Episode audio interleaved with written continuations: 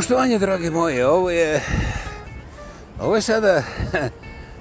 2023. godina. Slama sa vama, da, da, da, da, pogodili ste, dobrodošli. A, joj. Sam ovdje veliko ubrzili. Ovaj... Ah. Režija. Režite sa mnom. Molim vas. Moje režije neće da reži sa mnom. Zanimljivo kapslama sa vama, znači samo proglašen lingvistički aktivist, monumentalno autentični, ja pa ja, ko bi drugi, Vladimir Kreća sa predivnih i hm, legendarnih stenovih planina. Ovo je i dalje naša treća sezona, ali podcast je broj 26. Cirkus Istarikus je bio prije tri dana. I danas se nastavlja, ali nećemo o tome šta se umeđu vremenu desilo, pa ja sam pokušao objasniti, mada je to nesretna verbalizacija jednog iskoraka, kao, pa neću sad da vam želim nikakve sretne nove godine, jer u zoni i sezoni ovako brutalnih zločina na sve strane, Eh, ovo što čujete, to su klizaljke. Doslovce, ja mislim, što ovdje piše na ulazu, oko 2000 auta je parkirano. A, da, da, da, da, za vas koji hoćete da burgijate dublje, evo reći ću vam, park je Bonest. A, ne bih o tehničkim detaljima, ali mene oduševlju imaju ove kamine, znaš, koje su izgurali na klizaljicama. Da, da, dobro ste čuli. I ti kamini su stavljeni nasred ovog jezera i dimi se, sve se puši i familije sjede okolo. Da, ovo je na večer, negdje oko 4 i 30, 5 nisam siguran, ali siguran sam za ovaj period.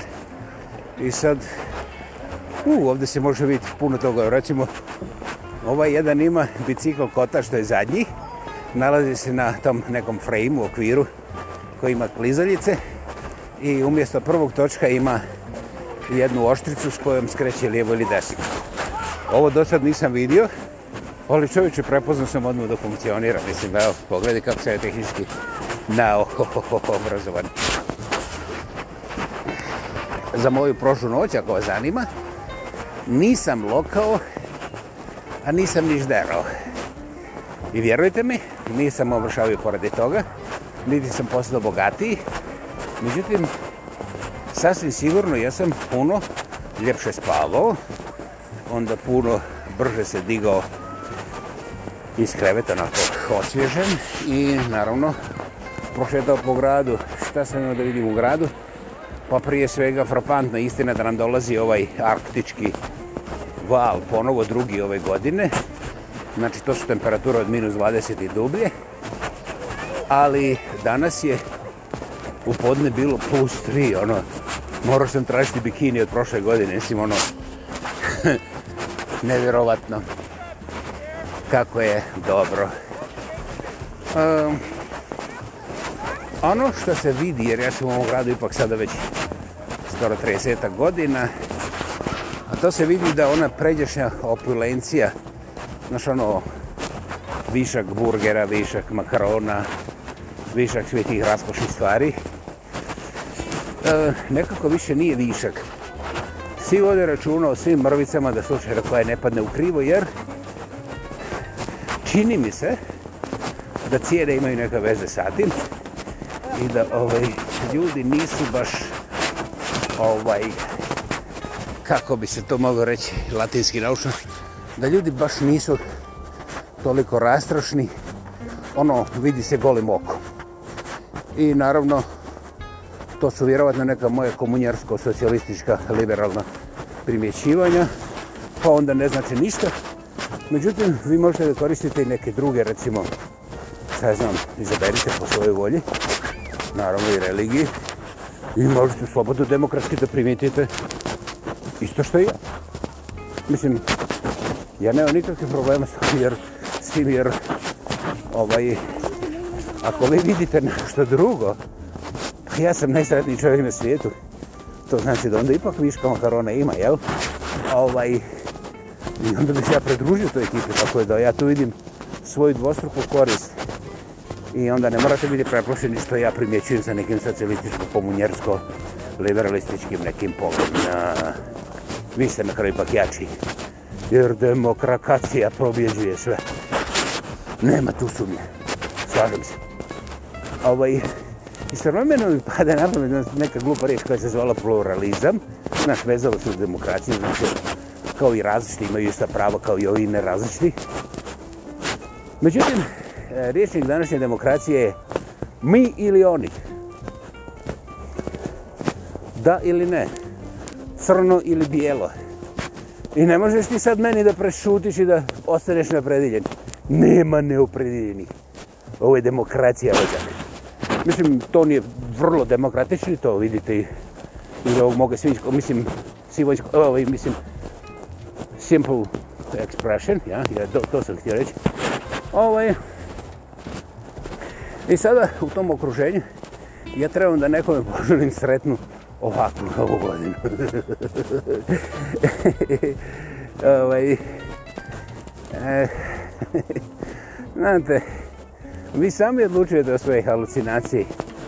Ne, ne bih baš rekao da je to ono kao odeš u Saharu i odlučiš od koje ćeš pješćene dine da vidiš oazu sa, ono, znaš, nekim lijepim haremskim plesačicama i šta ja znam, datuljama i friško vodom. Mislim, ipak to nije ono televizija sa 150 kanala, pa ono, znaš, tačiš lijevo desno i pojmi nema šta si vidio. Eh, da, vraćamo se tome na početak. Svi imate pravo, svi vi imate pravo na svoju personalnu halucinaciju.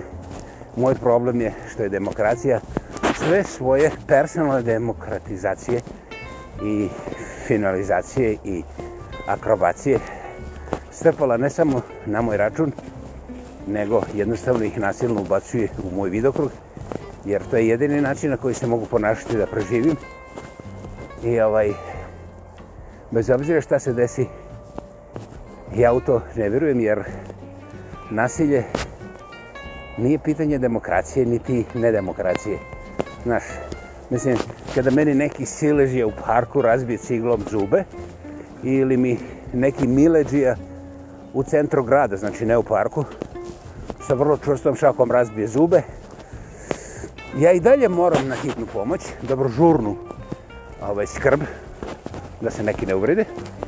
I ovaj, jer ne znam to sam popraviti. Mislim, nisam ja tako demokratičan da bi mogao razbijenu vilicu sam sebi sanirati tu u parku ili čak ni u centru grada, bez obzira što tu ima višak ovih šta je znam, tih nekih prevoznih sredstava, tehnike, tehnologije, pa čak i pametnih telefona. Ne ide mi nekako, ne ide mi to ni od ruke, ni od noge. Moram tražiti profesionalca za te usluge, I opet ne tražim po ideološkom otklonu, nego je nešto koji je najbliži da to malo zakrpi, da ne iskrvarim u početku, kasnije ćemo vidjeti šta će ostati od te I to su u stvari uh, doslovce stvarnosti moga života. Interesantno da ljudi oko mene, ima ih podosta, gledaju kulutri očima šta je ovome i tako dalje i tako dalje za vašu informaciju bio sam iako psihijatr ne samo jedan puta, ne samo jedne godine i tako dalje i tako dalje. Ne želite znati detalje jer nisu nimalo ovaj odmakli od pornografije, realiteta, stvarnog života u razno raznim problemima. Pa ćemo to ostaviti za neku drugu, novu godinu kada ovo postane stara. Nadajući se da će se sve zaboraviti, među vremenu čak i ja. I ovaj, eto, u takvom okruženju, prepuni demokracije, mi sad trebamo da budemo zagrljeni za jedno 5 do 15 sekundi, zavisi kako gdje, kako ko, kako kome, i da poželjavamo sretnu tu, mislim, evo ovu po kojoj sada gađam. Hej, ljudi, napred, kogod voli, neka izvoli.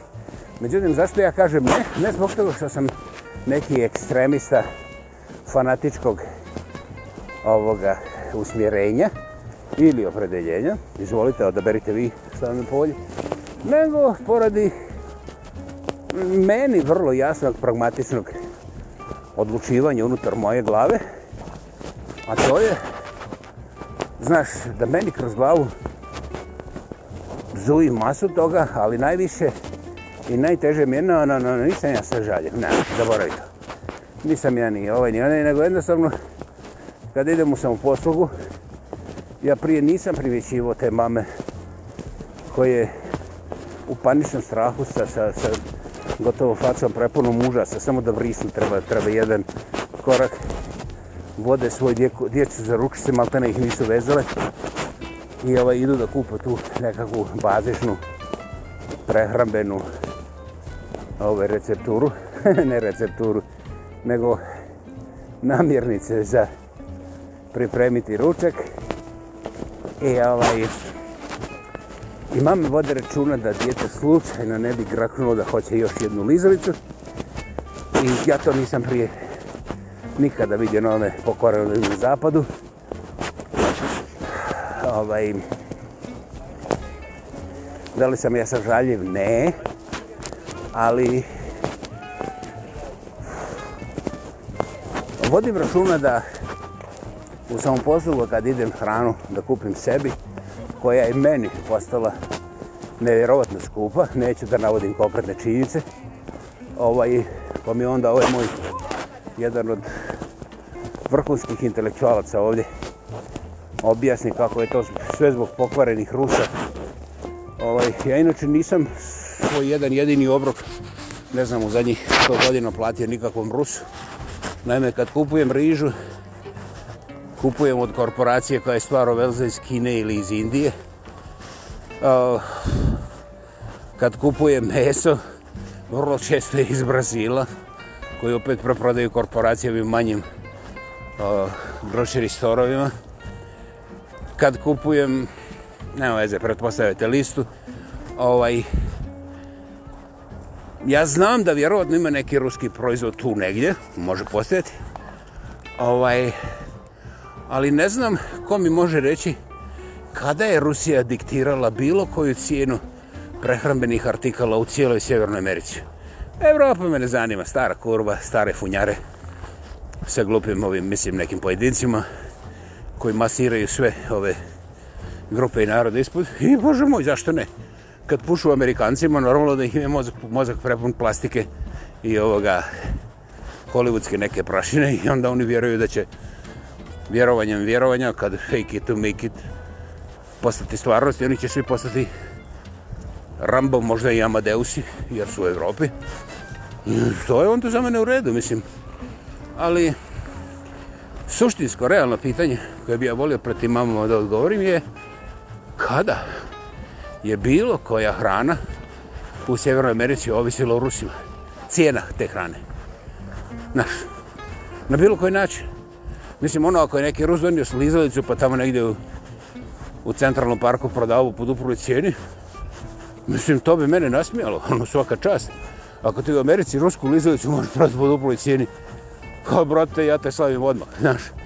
Jer Amerikancima je teško prodati njihovu vlastitu lizalicu za bilo kakve duple novce, oni uvijek očekaju 10 centi ili jeftinije. A te sad odjednom spominješ 5 dolara. Good luck ako uspiješ ti si novi Bill Gates, jeli? Ovaj, I to, ta je, ta je matematika jasna čak i onima koji pojma nemaju šta je biznis, jeli? Međutim, od februara, konca februara, prošle godine pa do danas, cijene nisu prestale rasti, posebno hrani. Mame su doživljavale užase i ovaj, ja ne mogu ništa drugo da kažem osim da ove godine neću slaviti 8. marta ni slučajno, iako se prethodnih godina možda dešavalo, jer volim pogledati tamo gdje se ženske skupljaju pa se vesele, ali sada ne, jer te mame su čisto demokratizirane, ušutkane i natutkane sa djecom, da ih huku na ramenu i da ih prehranjuju kako znaju i da šute, jer ipak mi dajemo naš zadnji zaloga za spas Ukrajine i nema druge nego povući u džep još dublje, čak i kad je džep prazan, Pa zna se šta se iz praznog džepa može izvući, međutim, to je neka sasvim druga priča. Ja nisam politički aktivista, pa nećemo tamo. Međutim, ja sam u zadnjih 4-5 mjeseci aktivno studirao kada mame sa djecom dolaze u te samo posluge gdje ja kupujem hranu i u koje samo posluge mame ne dolaze nikada djecom da, da, poslije i to otkrio sam masu toga. Međutim, najvažnija stvar koju sam morao otkriti je da dolazak u samoposluzi u samoposlugu u vrlo, vrlo ranim satima čim se otvore ne znači ništa, ne možeš zobići neke mame koje rade, a nije ih malo one moraju najranije što je moguće da se pojave u samoposlugama, djeca neće da ostanu sama tata je već negdje I eh, možete zamisliti kako izgleda ta agonija, tako da sam ja onda smislio i otkrio da mogu umjesto da kupujem svoju hranu, znači umjesto da jedem svež kruh svakog dana, počelo je svakog drugog, sada je to sedmično jedan puta, jer ne moram otići šest puta po taj kruh, nego samo jedan put, pa onda zamrzavam, sklanjam i tako dalje i tako dalje, možete zamisliti. I eto, i onda sutra dođe neki idiot i kaže mi Pa ti navijaš za Krutina. Kako me samo otkrio, mislim, ono, očigledno inteligentan. Mislim, zanimljivo je to pitanje zašto bi neki idiot došao da mi kaže da ja navijam za Krutina kada doživim eto u svojim vlastitom grocery store takve agonije iz dana u dan, sada ne iz dana u dan jer ne kupujem svaki dan, više ne kupujem svježe sada je najsvježije u mome frižideru staro barem tri dana. Ovaj, ali to dokazuje koliko je ta demokracija oslobodila duh modernog čovjeka, da je to debil između crnog i bijelog i da on u svakom momentu biva policija nacionalne svijesti i čim neko ne viće Ukrajina, čim nije zamotan u žuto i plavo od glave do pede, sumnjiv, sumnjiv odva, tuci ga u glavu kod zmiju, ko zna, on ima deve života ko mačka. Laprdaj oko njega, zgadi mu život. Pokaži mu kako je debeo, kako je star, kako je glup. I kako ne mislim, šta sam to htio reći? Balkan, puno bolja verzija Balkana. Mislim, bolja u smislu svih tih šarenolikosti nastupa prema tim dušmanima Ukrajine, kao na primjer ja, koji su zaljubljeni u Putina, kao na primjer ja. Ovaj, ta lepeza je široka. I nemojte misliti da će neki policajac u prolazu primijetiti da vas neki zaštitnik Ukrajine ovaj, maltretira.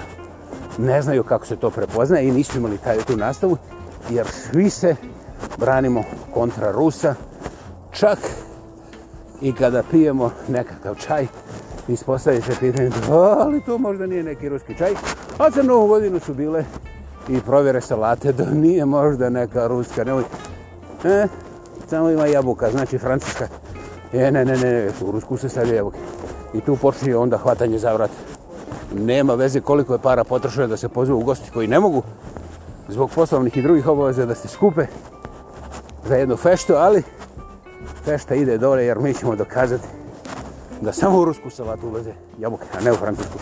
I ko jede rusku salatu za prošlo u nove 2023. godine, taj je dušman, bušman i ostalo i moramo ga mi ovaj, onemogućiti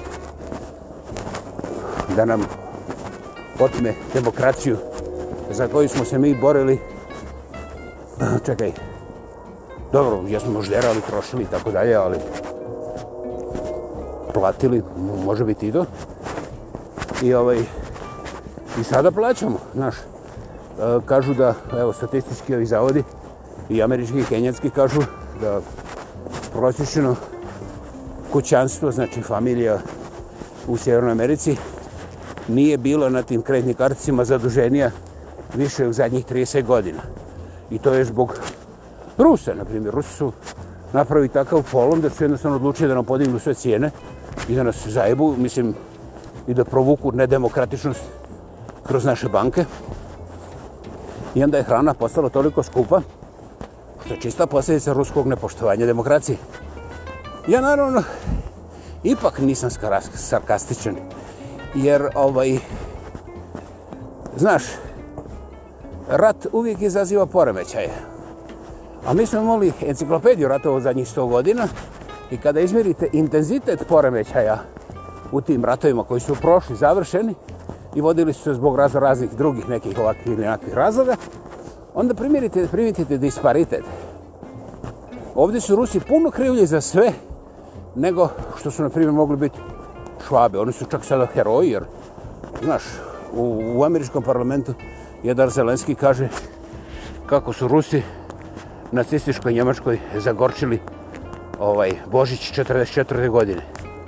Ovaj, I to su radili Rusi, a međutim Rusima nije bilo Ukrajinaca. I onda Amerikanci aplaudiraju kako su ovaj Rusi tako ili konsidera da živiš bez nikakvog poštovanja zagorčali njemačkoj naciji Božić 40, 1944. godine. Da, da, možete pogledati, imate tamo na YouTube-u, pa pogledajte Zelenski u a, američkom parlamentu. I mislite što god hoćete, ja sam rekao ono što je činjenica. Ja odgovaram za to, ako hoćete da me tuži, da ja kažem svjestan sam šta sam rekao, ovo je zabilježeno. Snimite, doneste na sud, ja ću se pojaviti također možda nam onda pojeftini ovaj varem gorivo kad dokažu da ja lažem. Hej, zašto ne? Međutim, ovo što je sada ovdje na sceni, a mi nismo vidjeli nikada prije, jer očigledno pokretanje jednog globalnog sukoba je je brutalno e, samoubojstvo. Znaš, ovaj, ne zbog toga što Rusi imaju tamo neke pucajke lijevo desno. Nja. Onog momenta kad poleti jedna iz Amerike, recimo, sprži cijelu Rusiju. Onda sam ja čuo negdje da se Kinezi neće preplašiti i pobići u Pacifik da se podave. Ozbiljno. Provjerite, pitajte Kineze, ja sam razgovarao sa par njih. Nego će ti Kinezi reći, hej, ovo je prilika da pokažemo demokuracim, demo kritičnima kako smo mi ovaj crveno košci ili nešto tome slično. I onda kaže, hej, ako niste znali, evo mi te iste spravice pravimo na ovakav način, pa da se ne bi bili, pa da ne bi bili spruženi kao ovi Rusovi. Evo vam ovo. A onda, Indija, Pakistan, Iran, Iran, koji također nisu ovi blentovi i imaju tako ti spravice za ono, kao na primjer automatsko bacanje kamena s ravena, pa onda bez ikakve automacije šicanje sa raketlama sa nuklearnim nabojem o kojima mi znamo vrlo malo. Da, da, da, indijski i pakistanski inženjeri su nevjerovatno, kako se to kaže, školovani, iskusni i obrazovani. Jedan dobar dio njih nakon odgoja i školovanja i rada na tome demokratskom zapadu, vratio se u svoje nedemokratske zabiti i selendre Indije, Pakistana pa čak i Kine. Tako da imaju dosta dobru ideju šta imaju bledoliki. I ovaj, mislim, ja ovdje ne govorim o strahu niti o strategiji, ja sam govorim da, da se ne bi zajebao sa 2,5 milijarde ljudi koliko ima Indija, Kina, Pakistan manje više, ali eto, pridoda i to, pa će i dalje biti oko 2,5 milijarde, nećemo oko toga. Amerikanaca je, znaš, odimaš 2500 miliona, to je 2,5 milijarde. A Amerikanaca, čak kad im dodaš Kanadjane, i to ne samo ovi Kanadjane u Kanadi, nego u Iranu, u Pakistanu, pa i u Indiji, u Kini, opet ih ima manje od 350 miliona. Dobro ste me čuli, ali to su oni statistički. Jer kad pogledaš malo bolje, od tih 350 miliona sjevernoamerikanaca, Amerikanaca, jebeš ga, nekih 150 miliona su uvozni majmoni u zadnjih 30 godina koji čak nisu ni rođeni tu. Možda govore dobro jezik, ali neće svoje srce i svoje buzice uložiti da štite Kanadu dok puca po Indiji, Pakistanu i Kini. Znači, ti sjevernoamerikanaca koji su toliko nadobudni i koji bi se borili uvijek, ima znatno manje od 200 miliona. Znači, otprilike, prilike Hey, puppy. You got wonderful dog. Absolutely wonderful. Um, znači, uzmite brojke. Ovi mogu da pošalju, znaš, recimo za početak, 500% veću armiju, znaš, ono, sa čačkalicama, sa salvetama, sa tom nekom plastičnom galanterijom, pet puta veće. I oni ako iza sebe ne počiste i ako ne puste vodu, Sjeverna Amerika se utopi u govnima. Čak ni nuklearne bombe ne mogu to razniti. Možete zamisliti kad se 500 miliona ljudi pokaki nakon obilnog trećerazrednog obroka od tamo nekakvih bezveznih kineskih trava i makarona. Ne možete, to je stvarno govno nad govnima. I ovi nas guraju i mi dalje vjerujemo u odbronu nekakve demokracije. Ja ne kritiziram vas, ja gledam ljude oko sebe i stvarno izgledaju ljudski, mislim, dvije noge i to oba dvije do zemlje i ono, cimaju, kolutaju očima kad ide da kilo svinjetine koje je prošle godine koštalo 6,5-7 dolara, sad košta 14 do 18, mislim, to je njima oko 15 do 20% povećanja. Je, toliko su matematika oni se vladali, jer to je demokratska matematika, to i ne razumijete.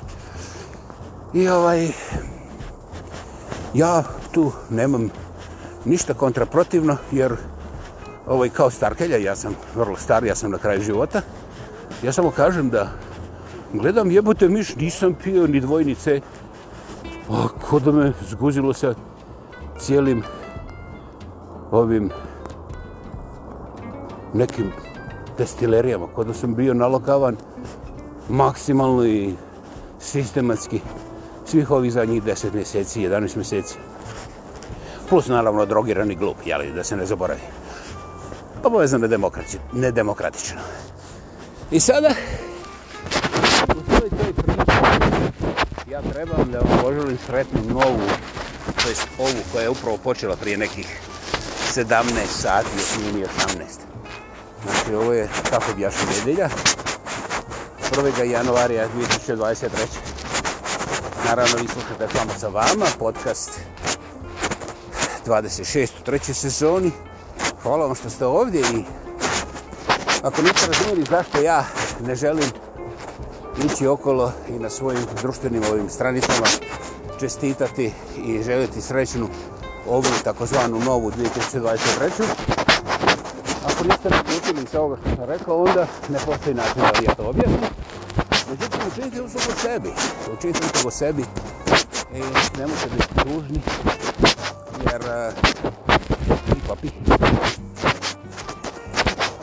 Jer znate, ovo je tek predi, pra, jeste, dobro se već čuli. Ja bih pomijed da sam ja šuplja ptica za osobu, znači ona koja priča puno, a ne pogodi ništa to, bi, to mi strašno govori, jer onda nema svih ovih demokratičnosti u kojima uglavnom nagrebu potpuno ne vidi. Meni nije stalo da odbranim bilo koga, potpuno ne ruče. Međutim, ukoliko mi kolektivno ne primijetimo da je prvi put u povijesti zabranjeno zakonom, to je bilo prije dva mjeseca kad je Zelenski potpisao zakon, zabranjeno razgovarati o miru sa Rusijom. Ovaj, znate, tu je zdravi razum pretrpio genocid. Nema ga. I ovaj, ako eh, eh, hoćete da bilo kako promjerovate tu odluku, ja ne interesujem. Znate, zabraniti nekome da ukine budućnost za šansu o miru, zakonom, ovaj, to za mene nije više zakon, to je departure, znači napuštanje zdravog smisla, kompletno potpisano i onda ovaj, šta se desi. Jer eh, ja se ne prošim koliko će ovog nekoga zakona pokazati Rusa, ne? jer nekako Rusa ima 160 miliona, a ovih ovdje ima 40-ak. Znači, ako, ako skokaju po ovim novinama, svaki dan su pobili po milijun Rusa, sad još malo pobiće i sve. I to je onda okej, okay. ja sam onda sretan jer onda više se neće žaliti da im Rusi smetaju. Međutim, šta meni smeta? Meni smetaju pobijene bake i unuke po cijeloj Ukrajini. I te bake i unuke nisu uvijek pobijene od Rusa. Naravno, Rusi su glavni krivici, tu nema nikakvog, nikakvog razgovora, prijepora, dvojbe, šta ja znam šta hoćete. Međutim, sa pametnijim odlukama kijevskih lidera bilo bi manje žestine, to znači manje mrtvih civila. I ne da mislim, nego sam apsolutno do svoje smrti uvjeren da je vrhovno rukovodstvo i kako svjesno svega toga i da se samo manjom bukom oko prijetnji i tih nekakvih besmislenih zakona može imati puno manje uništavanja i ubijanja potpuno nevinih ljudi.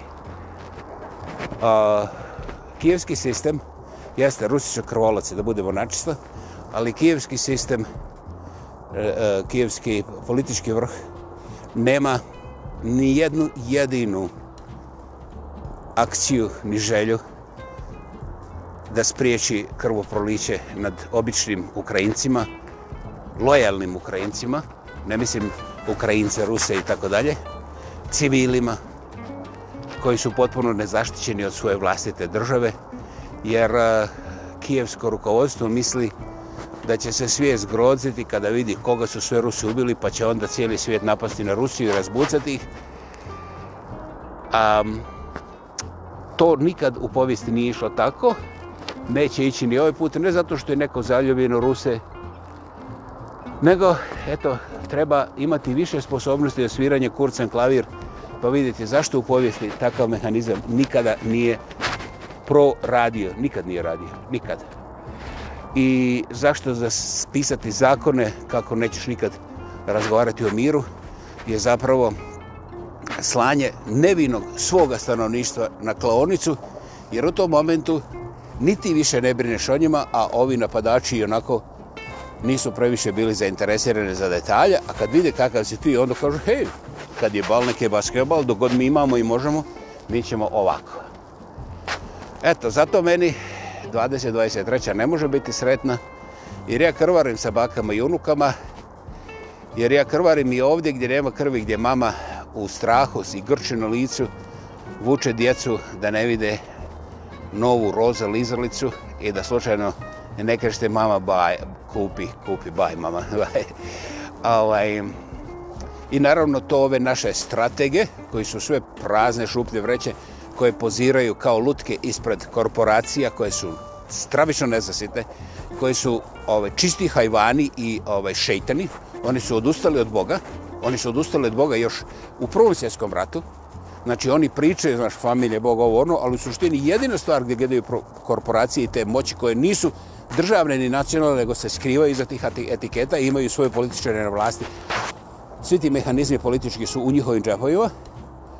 Ovaj, običan čovjek, bez obzira koje nacije, nema šanse. Običan čovjek je definitivno izbrisan pod potpunom kontrolom i može samo da laje kao ja u zamrznutom parku 1. januarja rano uveć. Ja se naravno ne želim, ja sam starkelja koja zna da je potrošila sve svoje kalendare, I da se lako može desiti da ja odem do groblja prije nego što dođe neka nova kao tobož sretna godina. Ja mogu i ove godine da me kresne i nestane. Što je, Bogu hvala, dobro za mene jer ja tu vidim izlaz koji ne može niko od ovih naših vlasnika da spriječi, niti ih zanima, što je dobro, što je dobro. I onda ja mogu biti ovako opušten. Znači, Bogu hvala što imam tu svijest, Bogu hvala što imam to malo zdravlja, Bogu hvala što imam vas da vam mogu reći šta me eto surbi, pa sad da osjećam nekako da u ovom svemiru postoji čovjek, ja sam siguran, vi jeste to, hvala vam. Ja vidim s ove strane na serveru koliko, ko, kako, kada. Ne vidim imena što je dobro, tako da vam personalno ne mogu ništa govoriti, ali principijalno se razumijemo i zbog toga vam hvala. Kao i uvijek, slava sa vama, samoproglašen lingvistički aktivista. Ja pa ja, kao bi drugi, Vladimir Heća sa preljepih i legendarnih stenovitih planina. Ovo je naša treća sezona, 26. podcast, kraj odjeva. Doviđenja i vrlo brzo, evo nas ponovo sa vašom slamom na istom programu. Hvala.